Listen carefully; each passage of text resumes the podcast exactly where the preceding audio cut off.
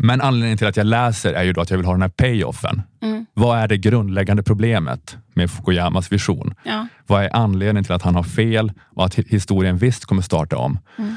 Och till slut då kommer det efter att jag tragglat mig igenom en 80 sidor och sådär. Mm. Då kommer det. Mm. Och så var det bara miljön. Det var miljön. Okej, att, att kapitalismen producerar så mycket miljöförstöring Mm. så att... Tror han att liksom miljön ska... Alltså jag vet inte. Att vi kommer att vara tvungna att sluta leva som vi gör för att det är för mycket miljöförstöring? Eller kommer vi att dö ut? Eller vad tror han? Ja, det är väl det att vi måste, alltså att det är, eh, de ekologiska problemen är liksom då en, något som det här systemet inte kan hantera. Så därför det blir liksom en, ja, en, En- en, en- intern motsättning eller vad man säger som inte kan hanteras genom det här systemet. Ja, som ja, är ja. för stor. Mm. Liksom. Men, men varför, varför blir du så besviken på det här? För jag menar, det, det, är väl, eh, det är väl en bra jag menar, det är väl en poäng? Eller menar du att, att du redan visste det eller menar du att det inte stämmer? Ja, kanske alla tre. Jag har tröttnat på det, jag vet det redan och jag är rädd att det inte stämmer. Mm, jag förstår. Jag är trött på det här med miljön som Ja. slagträ. Ja. Jag vet redan om det. Mm. Jag börjar oroa mig för att det inte stämmer. Okej. Nej, men det är liksom Så det är of history i alla fall. Ja, jag vet inte. Nej, men det är att eh, Perry Anderson skriver... Men hur fan kan du säga att det inte stämmer? Det är väl klart att det stämmer, eller? jag menar, det stämmer väl ändå? att det, att, stä, eh, det, stämmer alltså, alltså, det är ingen som säger att det inte stämmer att det är ett problem. Men det är frågan är ifall det liksom är, det här ett problem som omöjligen kan samexistera med dagens sociala relationer? Tror du inte det?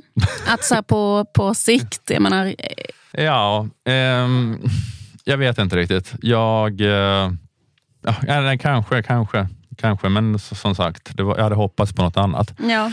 Eh, men det är i alla fall då att... Eh, Det hade varit kul om det hade varit något helt annat. Alltså om det hade varit något som ingen kunde förutse. Så vad är det som kommer sätta stopp? ja, jag vet inte vad jag förväntade mig. Liksom eh, att han typ hade skrivit så här, en annan art kommer ta över eller alltså någonting sånt. Någonting väldigt, väldigt oväntat. Vi måste bli ett ekonomiskt system för att kunna försvara oss mot rymdaporna som anfaller. Mm. Att det är det som är liksom den grundläggande begränsningen med liberalism och kapitalism i samhället. Att vi inte kan sam samordna ett försvar mot rymdaporna. Okej, det här var ett litet utdrag. Köp en prenumeration för 29 kronor i månaden på underproduktion.se stormens utveckling om du vill höra detta avsnitt. Plus alla tidigare prenumerantavsnitt, plus alla kommande. På underproduktion finns också instruktioner om hur du lägger in prenumerationsfeeden av Stormens utveckling i din poddapp, vilket är att föredra för smidigt lyssnande, även om det såklart går att lyssna direkt på webben också. Och när du har klistrat in din premiumfeed så får du upp en feed som inte heter gratisfeeden inom parentes utan den heter bara Stormens utveckling. Och i den feeden finns då alla avsnitt av Stormens utveckling inklusive gratisavsnitten. Så du behöver endast eh, den feeden då.